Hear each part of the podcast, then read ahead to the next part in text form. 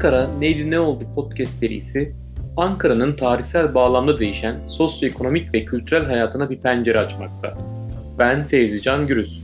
Rasim Özgür Dönmez ile birlikte hazırlayıp sunduğumuz podcast serimizde birbirinden farklı ve değerli konukları misafir ederek sizleri Ankara'da başlayan ve Ankara'da bitecek olan bu keyifli yolculuğa davet ediyoruz. Keyifli dinlemeler dileriz.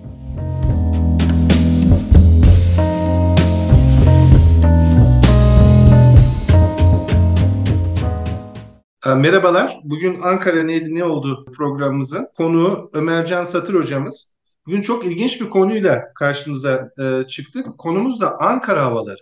Çincanlı Oğuz Yılmaz'dan tutun efendime söyleyeyim Ankaralı Namık'a kadar bu müziğin Ankara'daki geçmişini nasıl ortaya çıktığını detayıyla konuşacağız. E, hocam hoş geldiniz. Hoş bulduk hocam. Merhabalar. Hoş geldiniz hocam.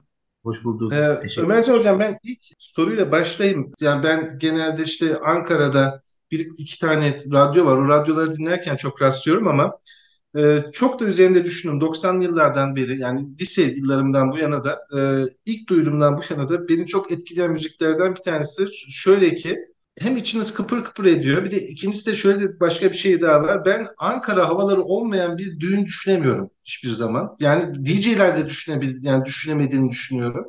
O yüzden size ben ilk soruyu şöyle soracağım. Bu Ankara havalarıyla başlamayacağım. Ankara müziği neydi? Biz buralara gelene kadar neler yaşadık Ankara'da? Yani o biraz kısaca bahseder misiniz acaba? E, tabii hocam. Şöyle söyleyeyim. Aslında Ankara e, günümüzde e, oldukça popüler olmuş ve popüler kültür nesnesi haline gelmiş bir kent. Yani başkent olmasının yanında. Malum hani bu kültür endüstrisinde İstanbul ekolü vardır. Ama ilginçtir 90'lardan sonra bir Ankara havası tam tabiri caizse bir Ankara havaları havası esti. Ancak şöyle bir şey var tabii Ankara'nın e, müzikal geçmişi e, tarihsel sürecine paralel olarak gelişiyor. Yani tarihsel bir kadimlik söz konusu ne kadar söz konusuysa müzikte de o kadar söz konusu. Yani aslında Ankara yalnız bugün değil. Hani geçmişte de birçok kültürel unsura ev sahipliği yapmış bir coğrafyanın başkenti. Yani burada coğrafyanın özellikle altını çizmek istiyorum. E, zira Ankara müziğini yani geleneksel nitelikli Ankara halk müziğini anlamak için e, coğrafi hareketli ve demografik yapılara da bakmanın önemli olduğunu düşünüyorum e, yani hani söyledik ki eski çağlardan bu yana Ankara ve çevresi sosyokültürel, politik ve ekonomik dinamiklerin önemli bir merkezi haline gelmiş. Elbette ki tüm bu dinamikler beraberinde de güçlü bir müzik kültürü yaratmış. Ee, özellikle bizim için önemli bir isim Mahmut Ragıp Gazimber'in Ankara bölgesinin müzik folkloru üzerine yaptığı bir çalışma var.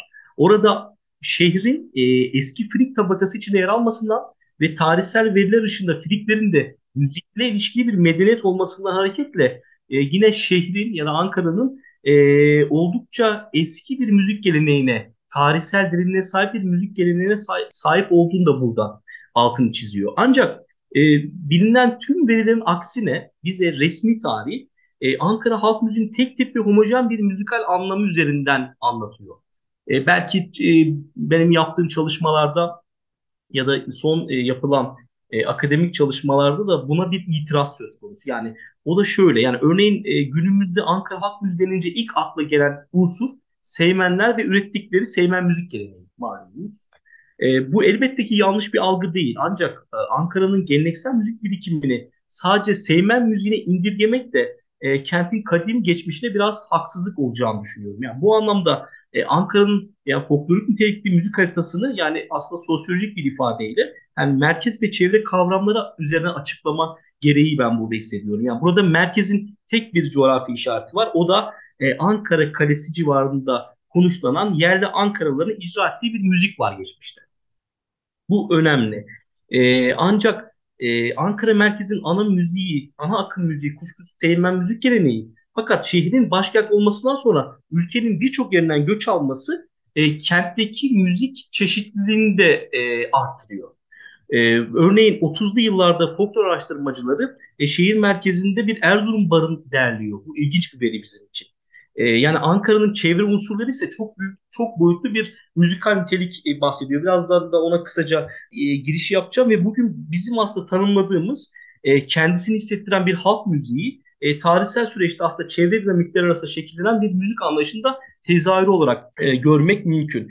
Peki burada şunu söylemek istiyorum. Modern öncesi dönemde ya da Cumhuriyet'in ilk dönemlerinde Ankara'nın e, müzikal kültür bileşenlerini ve buradaki temel repertuar öğelerini ben kısaca onlardan da biraz e, söz etmek istiyorum. Burada şöyle bir durum var.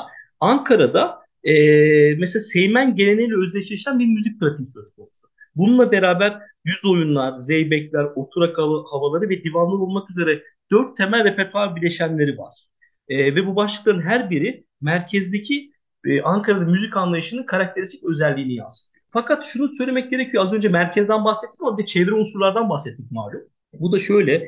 E, Ankara'nın birçok çevre dinamiği e, burada müzikal anlamda gelişimlere işaret ediyor. O da şu. Mesela Kırıkkale Keskin, e, Elmadağ, e, Bala, Şerefli Koçhisar gibi şehrin doğusunda kalan yani çevre unsurların e, bununla beraber Nallıhan, Ayaş, Beypazarı gibi batıda kalan yerleşimlerin müzik pratiklerini yine anlamadan da aslında Ankara halk müziğini değerlendirmenin biraz eksik olacağını ben e, düşünüyorum. Örnek vermek gerekirse eğer bugün Ankara'da e, mesela bir bozlak türünden söz etmek istiyorsak bunu merkez dışındaki çevre unsurlara borçluyuz. Aynı şeyi semah ve halay ezgileri içinde geçerli. Eğer Ankara repertuarı içinde yani şu an halay, divan, zeybek ve bozlak havaları gibi birbirine olacak farklı türleri biz işitebiliyorsak, bunlar icra edilebiliyorsa bu anlamda Ankara halk müziğinde rahatlıkla çok boyutlu bir kültürel harita üzerinden de kullanmamız mümkün. Tabi burada soruya cevaben e, son bir şey söyleyeyim hocam. E, burada Ankara'nın Orta Anadolu müzik içindeki yeri de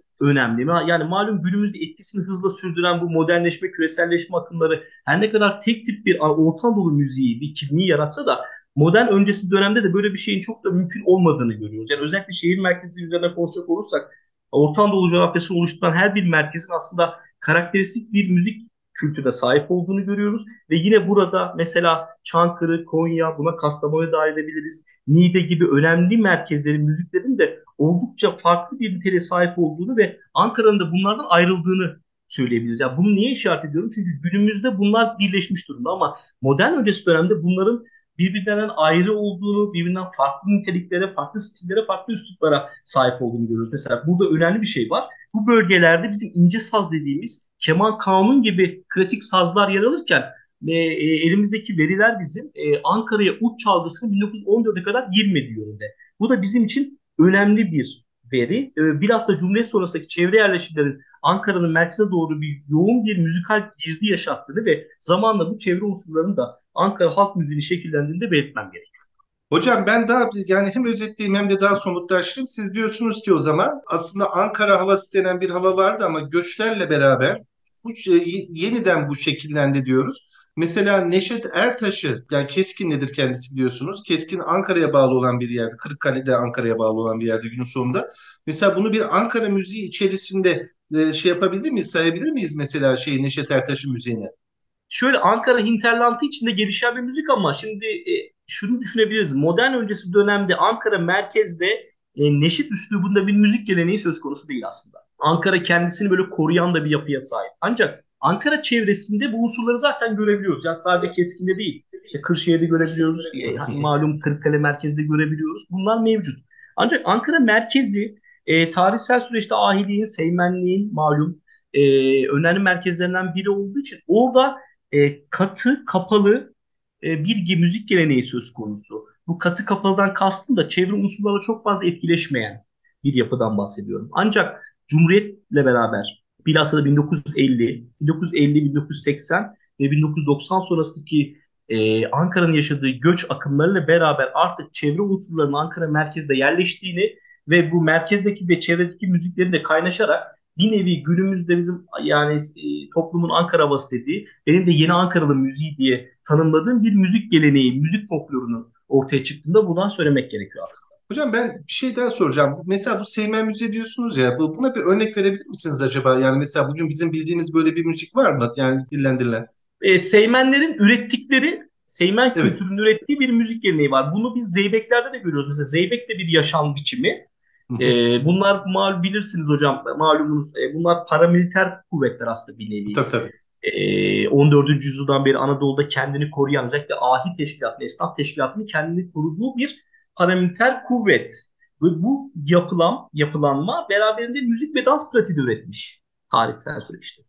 E, Seymenler de Ankara'daki bunların tezahürü, yansıması. Mesela popüler olarak söyleyecek olursak misket dediğimiz bir ağıt ama zamanla oyun hava düz oyuna dönüşmüş bir repertuar. Bu Seymenlerin önemli müziklerinden bir tanesidir, repertuarlarından bir tanesidir. Fidayda, Hüdayda dediğimiz ezgi malum. Atım Arap dediğimiz e, ezgiler bunlar Seymenlerin ürettiği düz oyunlar. Bir de bunların zeybekleri var. Meşhur Ankara Zeybeği gibi e, örnek verebileceğimiz repertuar bileşenlerinden. Zeybekler ve düz oyunlar. Bununla beraber oturak havaları. E, yine Seymen e, ortamlarında, Seymen eğlencelerinde, Seymenlerin gündelik yaşam pratiklerinde ürettikleri müzikler. Ama bunlar öyle bir durum ki tabi burada e, hani merkez çevre etkileşimini biz hani karşılıklı bir süreç olarak değerlendiriyoruz. Diyalektik bir aç, açıdan değerlendiriyoruz. Hani birbirinden kim kimden etkilenmiştir yerine karşılıklı o sürecin zamanla çevredeki ve merkezdeki repertuarın çevreyi etkilediğini, çevredeki repertuarın da yine merkezi etkilediğini görüyoruz. Yani şöyle söyleyeyim. Örneğin Çorum'da da e, 1930'larda Fidayda'ya benzer bir ezgi derlenmiş mesela. Burada şunu anlıyoruz. Acaba o, o çevreden mi geldi merkeze, merkezden mi geldi? Tabii bunu bilmemiz o kadar kolay değil. Çok da önemli değil aslında baktığımız zaman da bizim için. Ancak böyle bir etkileşim söz konusu ama merkezin çevreyi modern dönemde daha fazla etkiledi ama günümüzde ilginçtir. Modernleşme ve küresel çağda şu dönemde çevrenin merkezi Ankara üzerinde çok etkilediğini de yine söylemek gerekiyor. Gerek kültürel gerek müzikal. Anladım. Hocam o zaman şimdi e, bizim bu bugünkü bahsettiğimiz Ankara müziğine geldiğimiz zaman bu yolculuk sizin yine merkez çevre etkileşiminin sonucunda mı geliyor? Yani onu nasıl açıklarsınız? Bu Ankara havası nedir bugünkü bizim bu anladığımız bu çok herkesin severek dinlediği müziğin yani altyapısı nedir? Yani nasıl bir yolculuk izlemiştir bu? Aslında şöyle bu müzikte çevre unsurların etkisi var, merkez unsurların etkisi var. Yani belki bu müziğe bir anlamda Ankara müziğinin modernleşmeye bağlı olarak popülerleşen bir yüzü olarak da hani bakmak e, biraz gerekir. Yani zira popülerleşen Ankara müziği aslında içinde birçok müzik anlayışını da beraberinde getiren eklektik bir yapı arz ediyor. Ama şu var. Bizim şu an Ankara havaları dediğimiz ya da benim yeni Ankaralı müziği diye tanımladığım müzik kültürü içinde Ankara'nın merkez unsurları yani Seymen müziğinden izler taşıyan. Bununla beraber Ankara'nın çevre unsurlarında şehir bazında da değerlendirebileceğimiz yani Konya'sından tutun Çankırı'sına, Yozgat'ına, Kırşehir'ine, Çorum'una e, hatta Eskişehir, Bolu tarafına kadar uzatabiliriz bunları. O bölgedeki, o internet içindeki müzik kültürlerinden de etkilenen, bununla beraber popüler müziklerden önemli ölçüde etkilenen yani günümüzün popüler müziklerinden ve onu da aşan bir e, deyimle aslında küresel müziklerde içine barındıran eklektik, senkretik bir yapı arz eden bir müzik kültürü. Şöyle bir ki aslında tam bir postmodern örnek sayılabilecek de bir e, durum arz edebilir. E, işte nasıl diyecek olursanız yani bir kere temellik edebileceği yani işine yarayabileceği, pragmatik olarak kullanabileceği her türlü müzik dizisine açık bir müzik. E, yani bu çok bizim için önemli. Reddetmiyor. Şöyle bir durum var. Bir 90'ların sonunda mesela Mehmet Demirtaş Makarina'yı atım araba bağlayabiliyor. Bu aslında o dönem için büyük bir devrim ve eşine az rastladığımız bir durum. Kesinlikle reddetmiyor ve o kadar birbirine aslında ezgiler benziyor. İlginçtir benzeyen bir taraf var ama benzemeyen yapıları da biz Ankara icracıların, Ankara havalarını icra eden müzisyenlerin e, öyle adapte edebildiğini görüyoruz. Bu anlamda bu müzik işte modernleşme süreci, bunun beraberinde getirdiği küreselleşme süreci ve beraberinde onun da ötesinde geleneği de kendisine ek edilen bir müzik olarak ortaya çıkıyor. Başka bir şey, biz sizinle program öncesinde bir konu konuştuk hatırlarsanız. Hani e, dedik ki bu e, yani bu aslında 1980'lerin bir tartışma konusuydu. E, alt kültür, üst kültür meselesi vardı hatırlarsanız. İşte ara, arabesk müzik çok kötü. Efendim söyleyeyim klasik müzik muhteşem dediği. O zamanki işte TRT'nin işte klasik müziklerine bir, bir şekilde atfediliyor. Yani büyük şeyler atfediliyor ama Şimdi biz sizinle konuşmamızda siz aslında bu müziğin önemli bir müzik olduğunu söylediniz. Yani şey anlamında yani de, de, mü, müzikalite anlamında. Niye öyle dediniz hocam? Bir biraz anlatır mısınız acaba? Yani birçok işte hala bu müziği aşağılıyor Ankara, bu yeni Ankara müziğini. Yani neden önemli? Biraz onu da anlatırsanız e, çok mutlu olurum. Şöyle aslında önemi kendinden menkul değil, değil diyebiliriz. Şunu şöyle demek istiyorum. Ya biz aslında e, hani müzikoloji ve etnomüzik müzikoloji çalışmalarında şöyle bir düstur edindik.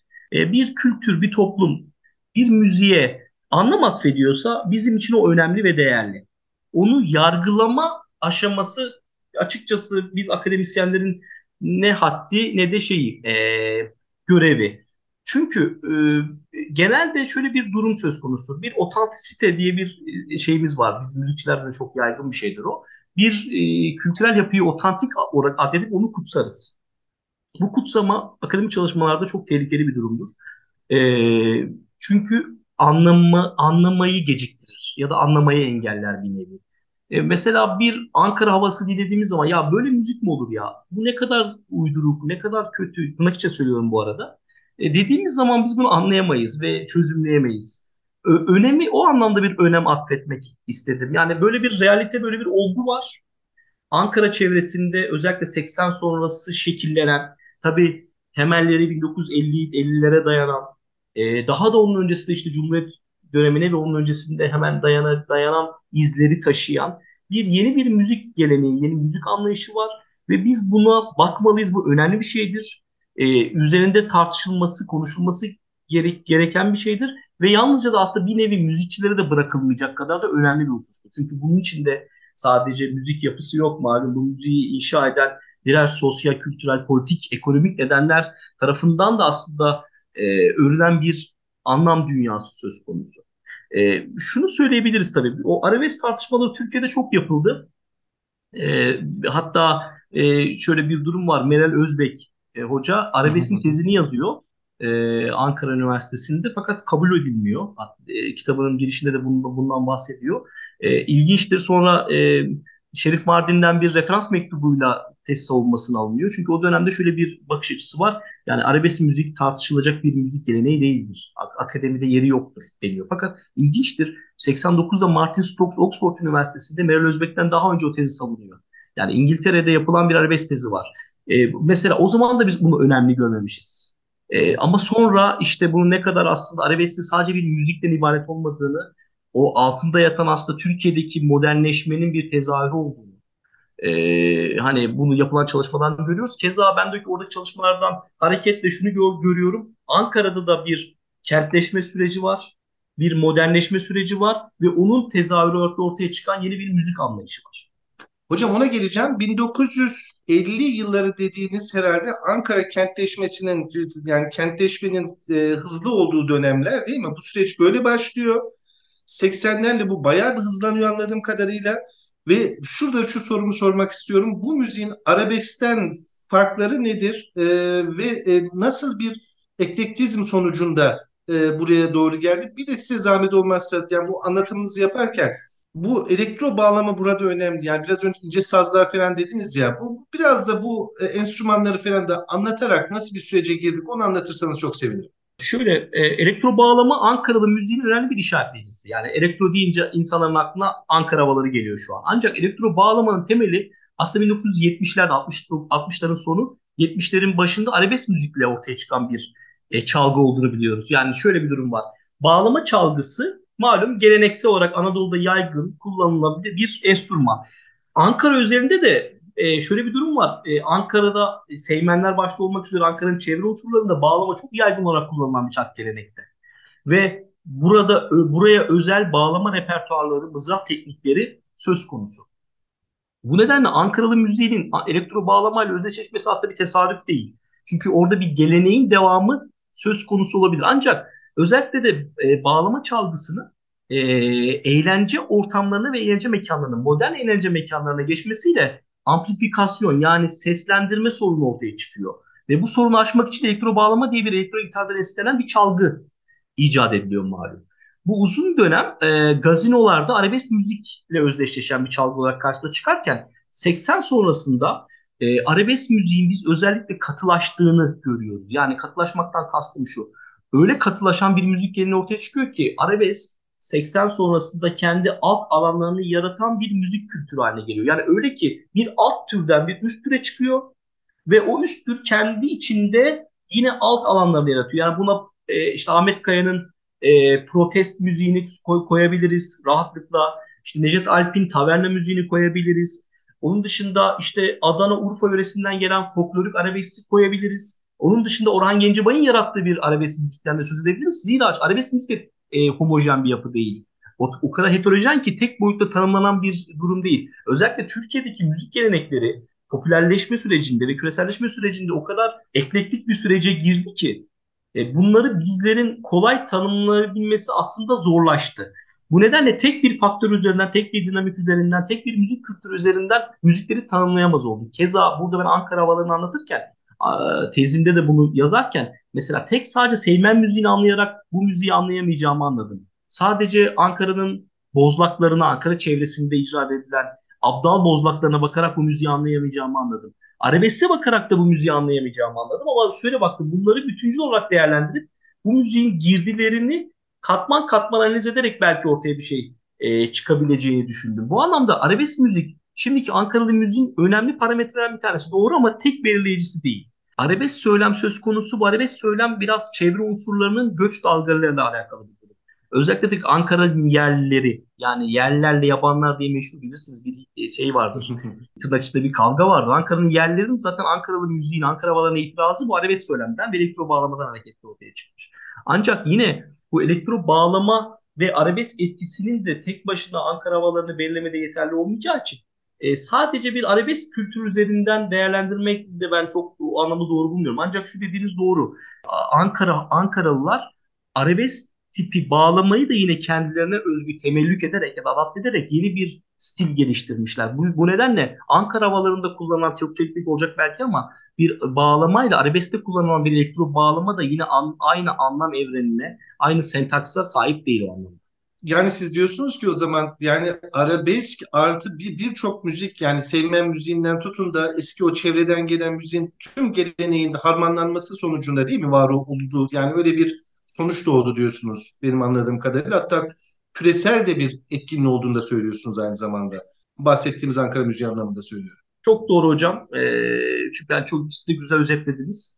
E, şöyle Orta Anadolu müzik kültürü, Ankara'nın e, biriktirdiği Seymen geleneği, onun üstüne 80 sonrası göçlerle oluşan bir arabesk akım, e, ondan sonra 2000'lerdeki modernleşme ve küreselleşme, özellikle de e, kü küresel kültür akıştaki elektronik ve e, dijital müzik endüstrisinin yine bu müziğe dahil olmasıyla beraber küreselleşme, modernleşme, geleneğin ve bununla beraber de bahsettiğim Orta Anadolu müzik kültürüyle beraber arabesk etkisinin birleşiminde oluşan e, geniş katılımlı ve şöyle bir ifade kullanıyorum ben, bilmiyorum sizler ne dersiniz, kültürel koalisyonlara dayalı bir müzik geleneği.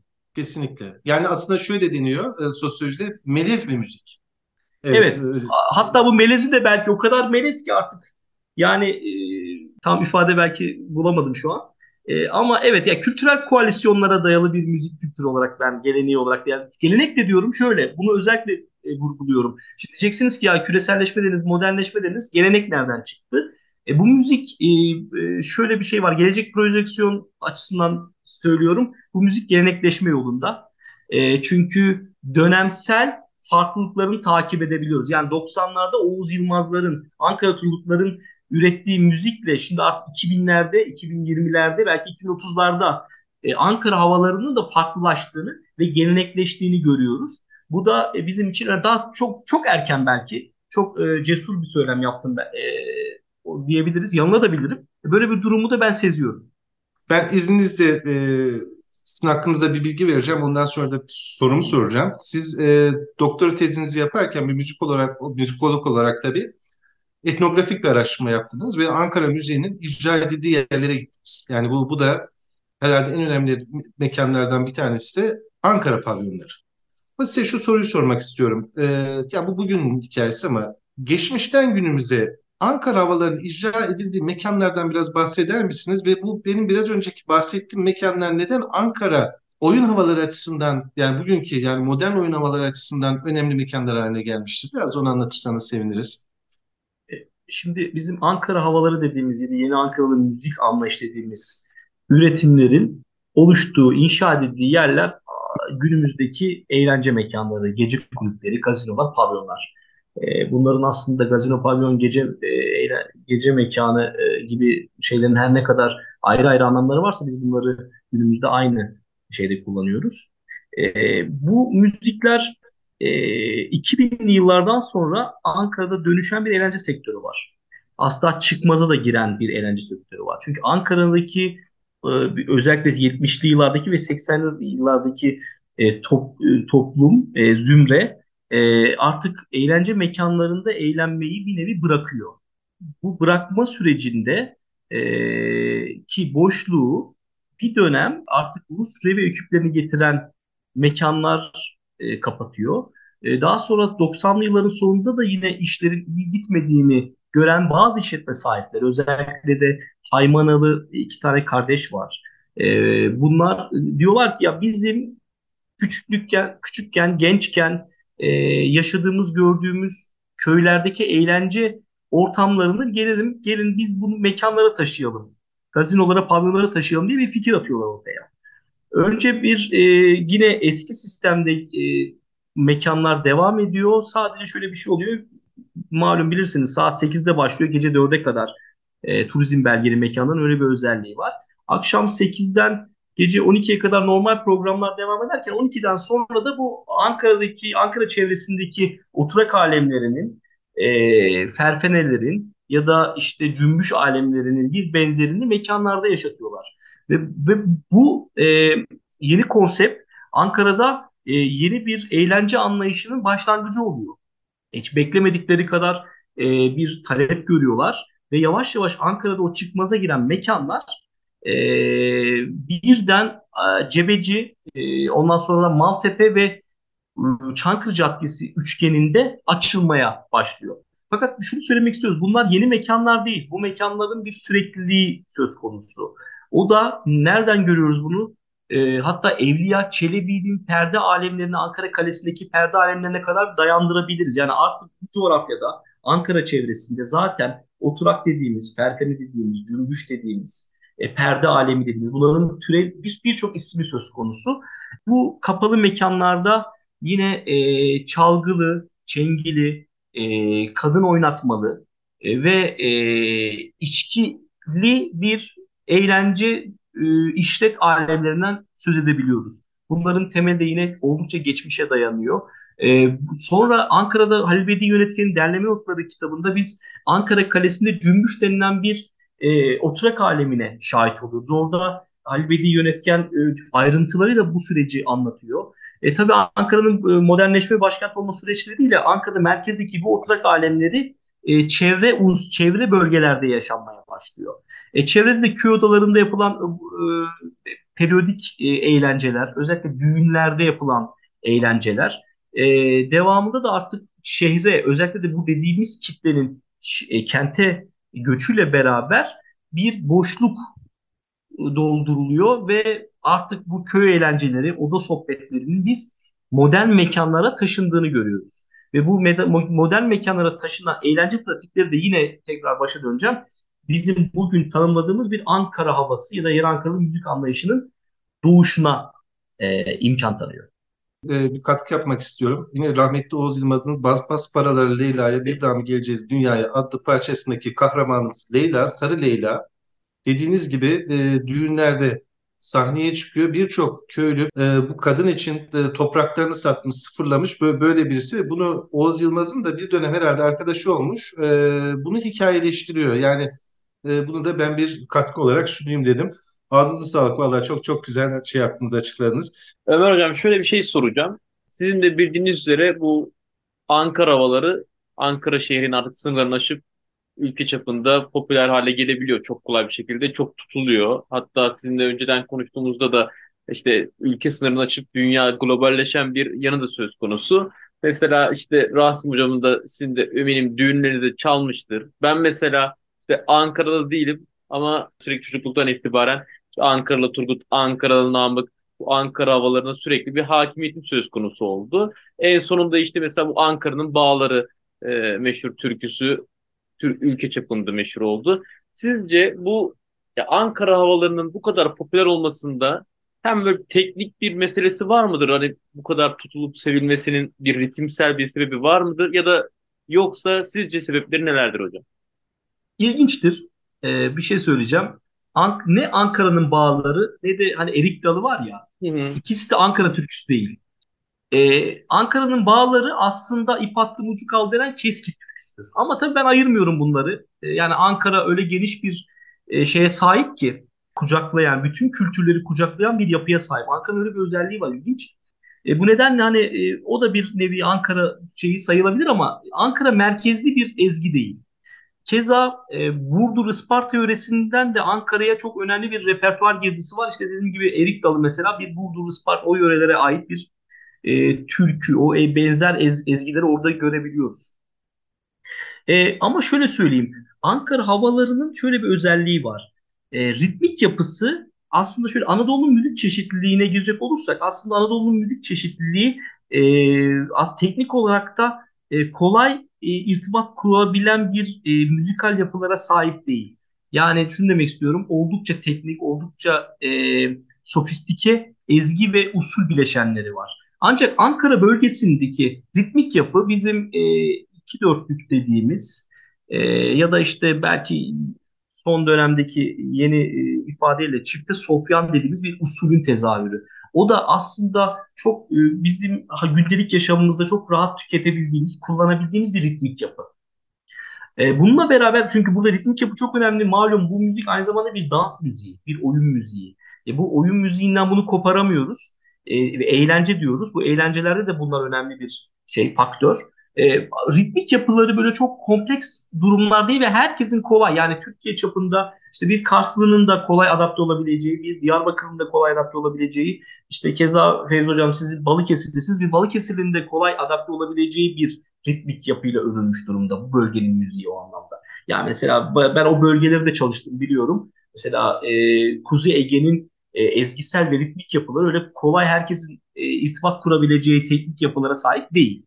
Ama şunu da söyleyeyim. E, şurada haksızlık etmeyeyim. Ankara'nın bütün ezgileri bu minvalde değil. Yani Ankara'nın seymenleri üzerinde veya zeybekleri üzerinde oldukça yörese, yöre karakterine sahip olup başka kültürlerin girdiği sürecinde kolay kolay giremeyecek e, iletilere, mesajlara sahip müzikal yapılar da söz konusu. Ancak bizim bu Ankara havaları dediğimiz hadise ya da Ankara havalarından seçtiğimiz örneklemler aslında tüm Türkiye'de yaygınlık arz edebilecek müzikal ve ritmik yapılara sahip. Keza müzikal yapıları da öyle. Makamsal yapıları e, ağırlıklı olarak bizim e, işte Muayyer Kürdi, Kürdi, Hüseyin'i Uşak diye tabir ettiğimiz aslında e, çok popüler ve ülke çapında ya da ülke sınırlarında tabii aşağı makam müziği olunca sadece Türkiye sınırlarına e, ibaret değil. E, o ezgilerle de örüldüğü için aslında herkese hitap eden popüler bir söylemi var. Zaten halk müziklerinin şöyle bir özelliği var. Halk müziklerinin tamam sofistike bir yönü var ama bir tarafta da popüler yönleri var. Çünkü halk müzikleri modern öncesi dönemde popüler şarkıların bir aslında ikamesi. Yani eskiden popüler şarkı, popüler müzikler yokken topluluğun halk müzikleri var. Bu anlamda insanların kolay irtibat kurabileceği ezgilerle de örülmesi Ankara müziğinin aslında yaygınlaşmasına sebep veriyor. Ama onun dışında bir de hem oyun pratiğinin yine diğer mesela zeybeye, halaya e, nazaran daha harca tırnak içinde harca ailen bir nitelik arz etmesi. Yine herkesin kolay e, al, alımlamasını, e, imkan alınmasına imkan tanıyor. Tabii bir de burada başka bir şey daha var. Sözlerindeki o muzip, e, eğlenceli, kısmen aslında erotik iletiler de, cesur iletiler de yine toplum tarafından kolay alınmamasını, alınlanmasına imkan tanıyor. Böyle düşünebiliriz bile. Hocam bu muziplik daha önceki Ankara havalarında da var mıydı acaba? Yani bir, bir geleneğin devamı mı bu? Kesinlikle var. Kesinlikle var. Hatta erotizm de var. Yani şunu söyleyebiliriz belki hani şu an zaten şu anki Ankara havalarında bir erotizm değil bir pornografi var. Ancak biz bu pornografinin modern öncesi dönemde e, erotik hallerini de biliyoruz. Ancak tabii şöyle bir durum var. Mal, malum Cumhuriyet e, bazı değerlerini e, olduğundan farklı gösterebiliyor. Yani e, bu hiç konuşulmuyor. Mesela Seymenlerin kendi aralarındaki bu muzip muhabbetler çok dile gelmez. Seymenliğin sadece bir ulvi yüce yönü o, o açığa çıkarır ki bu doğrudur. E, hiç bunda beis yok, tartışma yok. Ancak bir taraftan da bu dediğimiz bu eğlence ortamına dönük bu hovarda bıçkın damar çok fazla konuşulmaz ama ezgilerin e, kökenlerinde bunları arayabiliriz. Zaten günümüzde de bu kadar yaygınlaşmasının altında da bu hovarda ve bıçkın damarın daha gönül olması yatıyor yine. Ömer Hocam ağzınıza sağlık. Vallahi çok yani hem keyifli oldu hem de bizim için çok öğretici oldu ya bu program. Hocam. Çok teşekkür ediyoruz. Çok sağ olun. Ben teşekkür ederim böyle bir imkan tanıdığınız için. Ee, harika bir program. Ben de bundan sonra sıkı bir takipçisi olacağım.